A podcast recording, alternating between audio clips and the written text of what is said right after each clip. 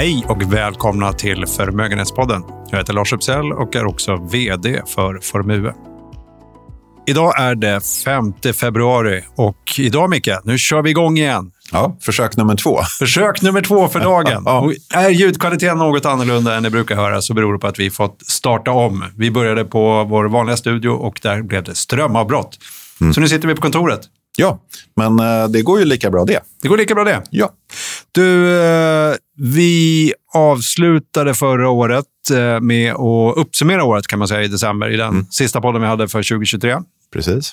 Och eh, det hände inte så mycket efter vi släppte podden så att, eh, tänkte vi, ska vi lägga 2023 till handlingarna? Ja, eh, till stora drag. Det är ju svårt att komma undan Ja. liksom, det föregående året, men jag tänkte att nu i och med första podden för i år eh, och en marknadsmånad bakom oss så är det väl bättre att titta lite framåt mot, eh, mot 2024. Eh, och då har jag plockat ut några saker. Tror du att det är några överraskningar? Eh, nja, kanske någon... Nej. Nej. Nej. Nej, men det, det är ju det här med att, att när vi pratar den globala ekonomin, den globala marknaden, det är, ju, det är ju inte så att ett år är helt annorlunda från ett annat år. Utan vi kommer ju komma tillbaka till oldies but goldies hela tiden när det gäller bland annat den ekonomiska utvecklingen, marknadsutvecklingen och så vidare. Så att där blir det väl inte så mycket skillnad. Men den första saken jag tänkte börja med är ju såklart då ekonomin. Ja, För det är ju liksom där någonstans eh, det mesta, det mesta börjar när det kommer det är väl till typ det vi pratar om. Det är ekonomi. Ja, exakt. Nej, men det är ju där värdeskapandet på något sätt sker som vi då investerar i, i form av olika typer av tillgångar och allting sånt där. Så att att komma undan ekonomin, det, det kommer vi inte göra eh, det här året heller. Eh, det har ju dock varit, och nu säger jag emot mig själv lite grann genom att titta just lite bakåt. Men det har ju varit en ganska så här makrofokuserad period. Eh, I princip sen pandemin slog till. Eh, det jag tänkte föra fram här, det är att Men vad du tänker du, den här bakablicken, tänker du på det här med mjuklandning eller ingen landning? Eller vad, vad tänker du på Ja, då? lite åt det hållet. För att när vi gick in i 2023, det vill säga för ungefär ett år sedan, då var det ju i princip alltså bombsäkert att det skulle bli recession. Det var ju förväntningarna. Och sen blev ju då den där recessionen världens mest väntade recession som faktiskt inte kom och inte har kommit än. Och nu när vi går in i, i 2024 så är ju konsensus just mjuklandning. Eh, att tillväxten den kommer att vara lägre i år än nästa år. Eh, förlåt, än förra året. Och eh, där, är, där tycker jag det är lite spännande med just förväntningarna. För att det här narrativet är väldigt, väldigt starkt. Alla räknar med att det kommer bli en mjuklandning i år. Det vill säga ja, låg men inte för låg tillväxt. Inflationen kommer att fortsätta falla, kommer tillbaka till den pucken. Eh, men vad händer då om eh, liksom de här förväntningarna inte skulle slå in i år heller? Precis på samma sätt som de inte slog in förra året. Och då kan man ju titta på allehanda ekonomiska data för att se vart vi är på väg. Och mycket av de här datapunkterna då, de, de, det kan ju vara BNP-tal, det kan vara inflationssiffror, det kan vara arbetslöshetssiffror, industriproduktion etc. etc. Eh, många av de där, de, de är ju bakåtblickande. De kommer ju oftast med en viss fördröjning eh, när de väl publiceras. Och sen har vi också det faktum att många ekonomiska tal, de revideras ju om vart efter ny information kommer, kommer in. Då. Och eh, där försöker ju marknaden då eh, liksom förutspå utvecklingen med hjälp av framåtblickande indikatorer istället för då bakåtblickande som mycket ekonomisk data är. Och det handlar ju oftast om förtroendeundersökningar eller inköpschefsindex där man ändå kan titta vad, vad näringslivet tror om framtiden helt enkelt. Det bety betyder ju inte att det kommer att slå in, men det är ändå liksom någonting som tittar framåt snarare än, än, än bakåt. Och där har eh, en hel del då av de här stora amerikanska investmentbankerna, de har ju massa egna indikatorer då som ska försöka förutspå framtiden. Och ett par av de där, bland annat från Bank of America, de har en jätteindikator som består av 80 underindikatorer från alla stora ekonomiska regioner. Och de där mäter allt ifrån då liksom annonsintäkter på internet i realtid till hushållens aptit på konsumtionskrediter till elförbrukning i, i fabriker, ja, om det är Kina eller Tyskland eller vad det nu är. Men man, man försöker liksom hitta olika saker som, som pekar framåt istället. Och det som är intressant med den där indikatorn det är att huvudindikatorn, den sammanvägda av alla de här underindikatorerna, den eh, vände faktiskt upp här i januari efter 25 månader med kontraktion eller att den hade bromsat i 25 månader. Och det där tycker jag är intressant. Det är ju klart man ska inte hänga upp framtiden på en indikator från Bank of America, men det är ett väldigt liksom, brett och stort datasätt som de, som de tittar på. Som då, tyder på ett eller en vändning helt enkelt? Ja, eller en, att den globala ekonomin kanske har hittat någon sorts golv. Mm. Att mjuklandningen redan är ett faktum och då tar ju nästa fas vid. Yep, yep. Förhoppningsvis. Eh, och där kommer vi tillbaka till det här med, med, med förväntningar. Liksom att, som jag sa, narrativet är ju väldigt mycket låg men inte för låg tillväxt. Men vad händer om, om den här kanske visar i rätt riktning? Att den ekonomiska aktiviteten faktiskt börjar ta fart lite grann. Och det, det, det ska bli spännande att följa. Men uppsummerat där då, lite, förväntningarna är ganska lågt ställda. Ja. ja mm. På den makroekonomiska tillväxtplanen. Ja. ja.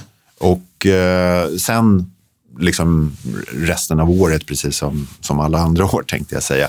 Det är klart att vi kommer lägga otroligt mycket fokus på vad som händer i USA. Det, det, är, liksom, det är ju den ekonomi som, som leder kan man säga. Och, och en ekonomi som har valår i år. Det har de också. Ja. Eh, och det är ju spännande då, både utifrån eh, det fiskala perspektivet då att sittande eh, regering, eller i det här fallet president, vill ju gärna bli omvald. Eh, och sen har vi också det penningpolitiska perspektivet i USA då.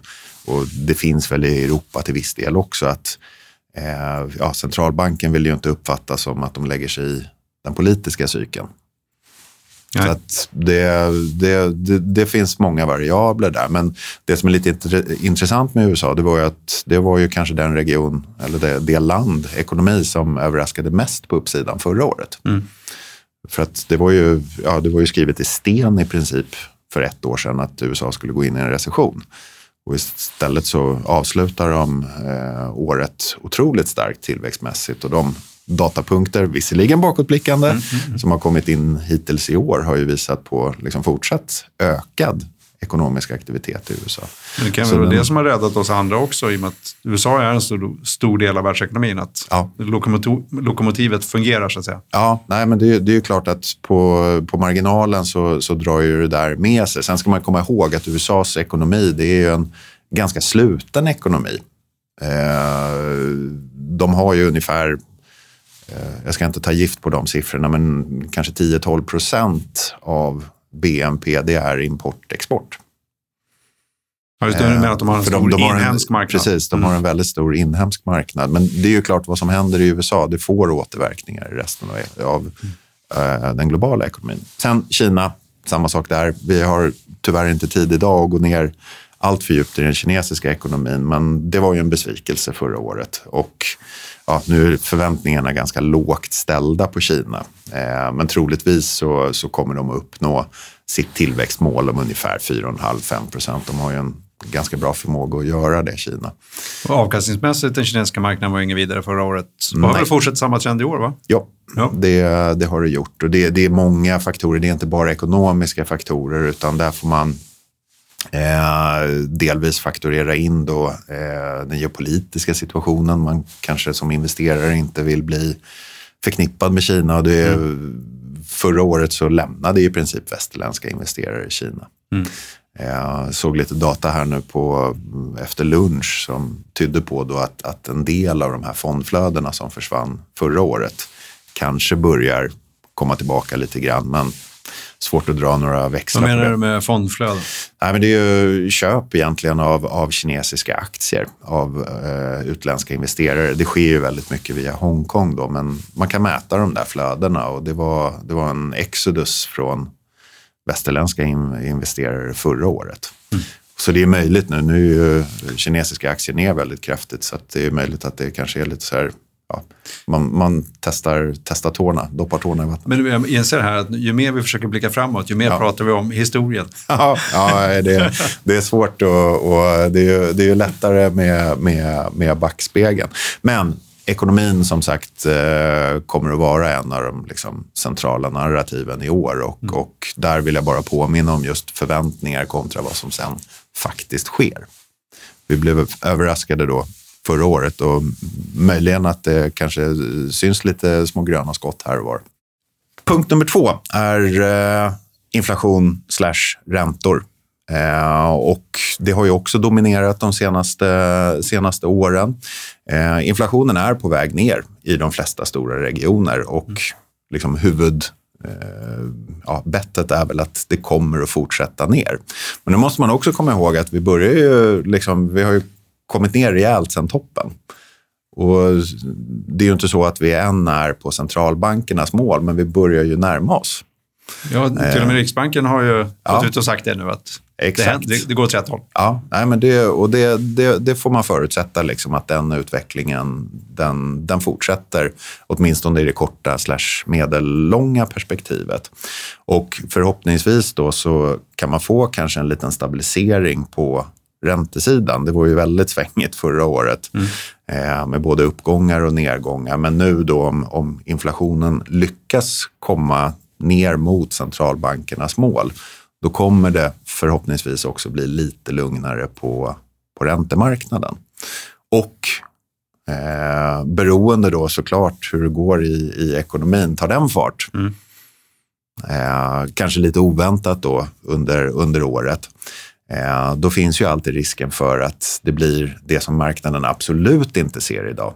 Det vill säga att inflationen börjar liksom stiga igen. igen. Ja. Eh, och då får vi ett annat scenario. Mm. Eh, men som det ser ut nu så, så är det väl svårt att se att den här rörelsen ska, ska brytas kraftigt. Och fortsätter den samtidigt då som, som den globala ekonomin inte liksom överraskar och, och tar fart på uppsidan, då finns också förutsättningarna för lägre räntor i form av att centralbankerna faktiskt börjar sänka styrräntorna. Och det här det är ju en jättedebatt. Och det är ett tjuv och rackarspel mellan marknaden och centralbankerna. För marknaden, ja, de förväntar sig en sak och det är oftast jättemycket sänkningar. Mm. Medan centralbankerna då, ja men de vill ju inte hamna i den situationen att sänka för tidigt och så tar inflationsbrasan fart igen. Och det är, ja, man, man, man, ska inte prata kanske för mycket om så här legacy, men det är ju klart, precis som politiker, att även den typen av, av policymakare tänker på ja, sitt arv eller sin ja. historia. Och där är ju alla livrädda för att bli den nya Arthur Burns, som faktiskt på eh, slutet av 70-talet missbedömde just inflationsbanan och sänkte lite för tidigt. Och sen, ja, eh, så hans eftermäle blev kanske inte riktigt vad han hade hoppats på. Nej, vi får väl hoppas att eh, det... För jag kan ju tycka att det är lite läskigt där när alla tänker att mm. eh, inflationen är på väg, det är liksom under kontroll, det är bara liksom en tidsfråga och, mm. och räntorna ska ner. Ja. Det var li, lite tillbaka till förra året när alla trodde att det skulle bli recession och så blev det inte det. Då var det på positiva sidan, men ja. här skulle ju Ja. Eh, Nej, men för det, det är ju det som ligger, precis, det är det som ligger i marknadens prissättning idag. Den är, den är ju diskonterad för ett så kallat Goldilocks-scenario. Mm. Att eh, tillväxten är, är liksom acceptabel eller marknaden kan leva med tillväxten samtidigt som inflationen då eh, fortsätter ner och centralbankerna faktiskt börjar inleda sina räntesänkningscykler. Det är vad som, som, som ligger i priserna idag. Så att där, där kommer vi nog att få se en hel del liksom fram och tillbaka på, eh, på marknaden under året. Och för att knyta tillbaka till de här eh, datapunkterna från USA som har kommit in väldigt starkt i början av året här. Eh, marknaden i nuläget ser väl en sex sänkningar från Fed i år. Mm. Och Fed själva säger liksom, ja, hold your horses, max tre. Mm. Det är liksom, ja, så att vi, vi, vi kommer att få se den, den, här ja, vad ska jag säga, fighten. Den kommer bölja lite fram och tillbaka mellan förväntningarna och det agerande som, som centralbankerna faktiskt tar sig till. Jag tror vi kommer följa inflationen ganska tätt Ja. i podden under 2024. Ja, men det, det är eh, en, en säker prediktion. En säker Ja, prediktion. härligt. Eh, nummer tre, Ja, vinster. Jag vet att jag tjatar om det för mycket, men jag tycker faktiskt det är en väldigt, väldigt viktig, eh, viktig parameter och på något sätt så är det ju det som, som liksom, ja, det är det vi handlar aktier på. Det är den ultimata drivkraften. Och till viss del också obligationssidan. Inte så mycket statsobligationer, men framförallt företagsobligationer. Och där, det är rätt, jag ska inte säga mastiga, men det är höga förväntningar på vinsttillväxten för 2024. Eh, tar vi globala aktier, då, ett globalt eh, aktieindex, så, så ligger den förväntade vinsttillväxten på strax över 10 procent. Och det är ju det är rätt mycket. Eh, öka vinsten med, med så mycket, speciellt då om vi ser att de ekonomiska prognoserna i år, nu är det ingen direkt korrelation mellan BNP-utveckling och vinstutveckling, men någonting finns däremellan. De kanske ligger på 2-2,5. Då, ja, då är det svårt att se att kanske försäljningstillväxten ska öka med 10 procent i ett sånt läge. ja. Åtminstone för liksom marknaden i stort. Eh, sen har vi fortfarande det här att inputkostnaderna är ju viktiga för företagen. Det handlar om arbetskraft. Där det är den största posten oftast. Och där har vi ju en lönetillväxt som, som ja, ligger en bit över 4 procent i USA. Jag tror den ligger runt 4 i Sverige också om jag inte minns helt fel. Lite högre än historiska tal, i Mm. alla fall om man tittar i nutid. Oh ja, oh ja. Och eh, ja, råvarusidan då, eller den delen av inputsidan, den är ju svår och, och det går ju lite fram och tillbaka. Vi, vi såg lite sjunkande råvarupriser under, under förra året, men återigen, tar ekonomin fart så finns det ju eh, risk för att, att råvarupriserna stiger. Och då när man liksom tittar på de här så, så möjligtvis en liten liksom, skjuts skulle kunna komma då om räntorna kommer ner. För då blir finansieringssidan lite billigare i, i bolagen. Eh, men den stora faktorn då för att nå de där 10 procenten i vinsttillväxt, det blir ju effektiviseringar eller produktivitetshöjningar. Det vill säga att göra det bättre än vad man gjorde förut. Kostnadskats. Ja. Eh, Så det är många liksom, variabler att ta, ta hänsyn till, åtminstone när man rör sig på, på indexnivå. Sen är det ju det är en unik situation för alla företag. Men ja, de, de blir ju till slut ett världsindex. Så att den, eh, den tror jag kommer att få, eller jag hoppas att den kommer få lite mer uppmärksamhet. Som jag sa så kommer vi från en väldigt liksom, makrodominerad period där vinsterna ja, de kommer fram lite grann när det är rapportkvartal. Men sen så har de kanske inte fått så mycket uppmärksamhet. Men du, nu får jag med nummer fyra också. Mm. Eh, och det är andra sidan på, på myntet, vinster och såklart värdering. Eh, och där värdering ska man ju vara lite försiktig med tycker jag. För att den kanske inte säger sådär supermycket på, på kort sikt. Däremot så har den eh, större förklaringsgrad på, på längre sikt när det kommer om ett, ja, en värdering är hög eller låg. Eh, men, Tänker du värderingen på ett helt bolag då, eller Ja. P tal eller? P tal det blir ju bolag och sen kommer vi upp på indexnivå. Ja. Så jag, jag pratar nog hellre indexnivå här än enskild bolagsnivå. För där är det ju väldigt stora skillnader då, eh, beroende på, på bolag. Men tittar vi på till exempel globala aktier så i ett historiskt perspektiv så är de inte högt värderade. Däremot så, så ja, lite över det historiska snittet. Men det är egentligen kanske inte 100% relevant utan det handlar ju om vad händer på vinstsidan. Vinstutveckling som vi pratade om alldeles Precis. nyss. Nummer tre. Exakt, för att om inte den når upp till de här 10,4 då, eller vad analytikerna tror om globala aktier, då är det frågan, okej, varför skedde inte det? Och ja, lyckas inte bolagen då med de här produktivitetshöjningarna som jag tror blir nyckeln, eh, då, ja, då, då får vi ju liksom... Eh, ja, det, det finns inte för mycket utrymme. För att ska vinsterna ner, eller om de inte levererar på mm, ja, förväntningarna, eh, då har du egentligen två grejer som kan hända. Det ena är att kursen på index är konstant, men P talet går upp eftersom mm. vinsterna är lägre. Mm. Alternativt att P talet är konstant och kursen går ner. Så det, det är liksom, och då, då, får man göra den här avvägningen. Hur mycket utrymme för multipel expansion om vinsterna inte skulle leverera. Multipel expansion, det är ja, finans... Det, ja, lingo. det var lite lingo där. Ja, nej, men det, det, det innebär ju då att värderingen helt enkelt ökar. Mm. Eh, Eller i det här fallet kanske mm. värderingen ligger kvar, men vinsterna är lägre. Ja, men då får du ju en kursreaktion mm. neråt. Eller mm. Så att, eh, Och där, givet då de ekonomiska förutsättningarna med ganska låg tillväxt, eh, hur mycket liksom rum för vinstbesvikelser finns det om inte kurserna ska ner? Så att på så sätt så kan man se värderingen som, som visst i absoluta tal så är den inte hög historiskt sett, men den ska ställas i relation till förutsättningarna. Och där på globala aktier strax över det historiska snittet. Amerikanska aktier ligger ju en bit över sitt historiska snitt och det har ju väldigt mycket att göra med våra gamla favoriter som vi har pratat massor om, de Magnificent Seven, de här mm. stora techbolagen som, som är högt värderade. Men de är bara sex nu, va? Tesla?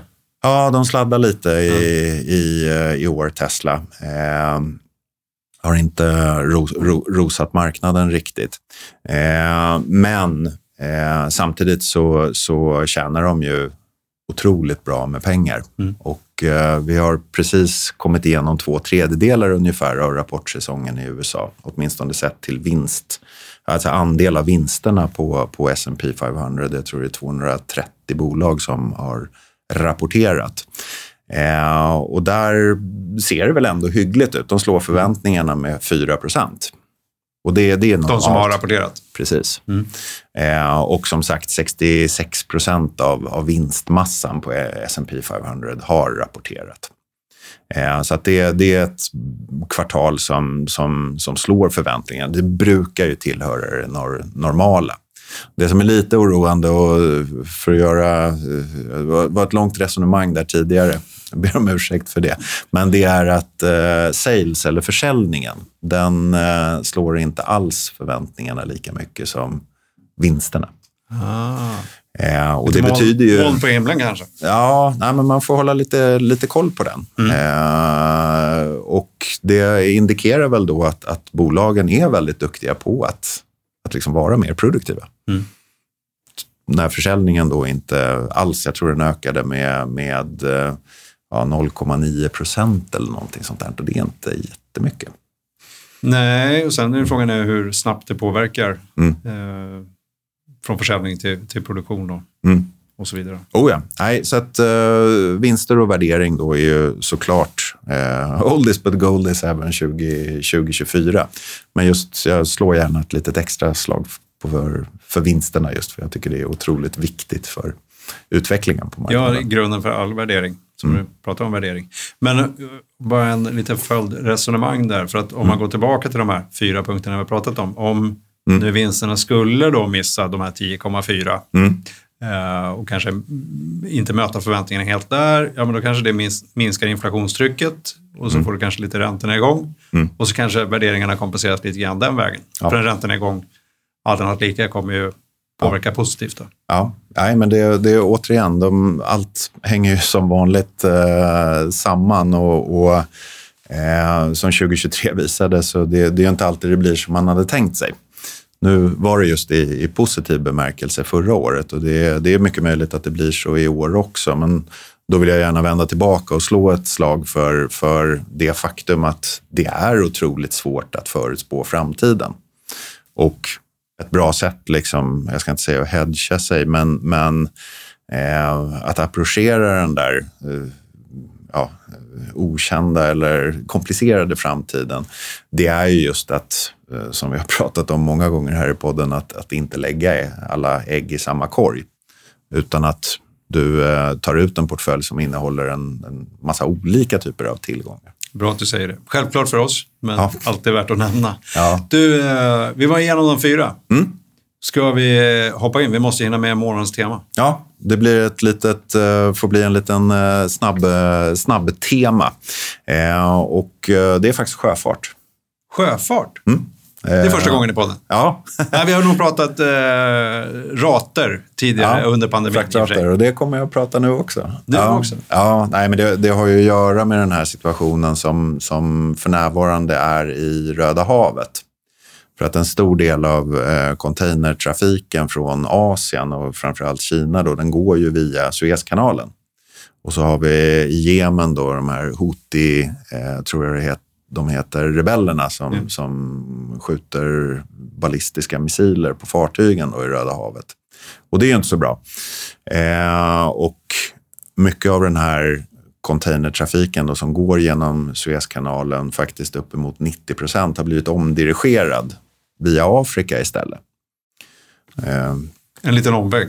Ja, det kan man säga. Den eh, resan eh, blir någonstans runt tio dagar längre än om de hade gått igenom Suezkanalen. Och eh, dessutom då så det innebär ju såklart högre bränslekostnader för det är ju en längre sträcka. Mm.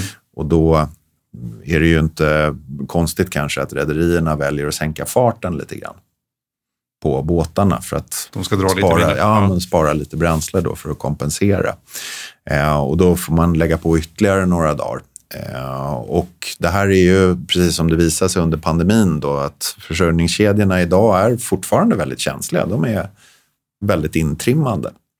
Och eh, det återstår att se vad det här betyder för eh, bland annat inflation. För kom ihåg att det här är ju, om det skulle då påverka inflationen uppåt så handlar det ju om just en utbudsdriven inflation. Mm. Eh, det vill säga att det finns inte tillräckligt med varor. Eh, och det här reflekteras ju givetvis i fraktraterna då som nästan har dubblats under året. Nu är det en ganska liten del av totalkostnaden för en vara. Eh, men du har också den här tidsaspekten då att varan faktiskt inte kommer fram. Brist på varor som gör att det Ja, drivs upp. och sen en annan sån här effekt av, av apropå eh, fint intrimmade försörjningskedjor, en annan effekt är ju att när du får gå runt Afrika, då blir det brist på containrar i Asien.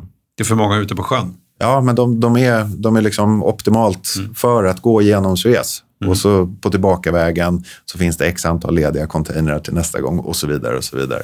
Och eh, det där kan ju också då påverka för då, då, då får man absolut inte ut varorna ens. För det finns inga containrar att, att, att skicka dem i.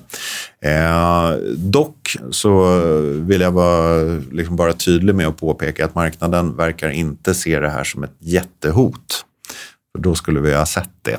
Eh, Om det liksom allvarligt riskerade att störa försörjningskedjorna och eller inflationen. Men det kan vara värt att, att liksom hålla ett litet öga på.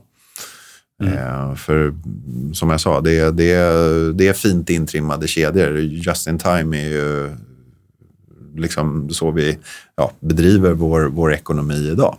Och då kan det räcka med en sån här liten störning för att ja, det ska bli eh, ja, kanske stora effekter. Vi, återstår, vi kanske får återkomma till den också. Mm. Om inte annat det geopolitiska spelet som också Ja, blir runt Röda havet. Då. ja nej, det blir väl en separat podd kanske. Kanske det. Ja.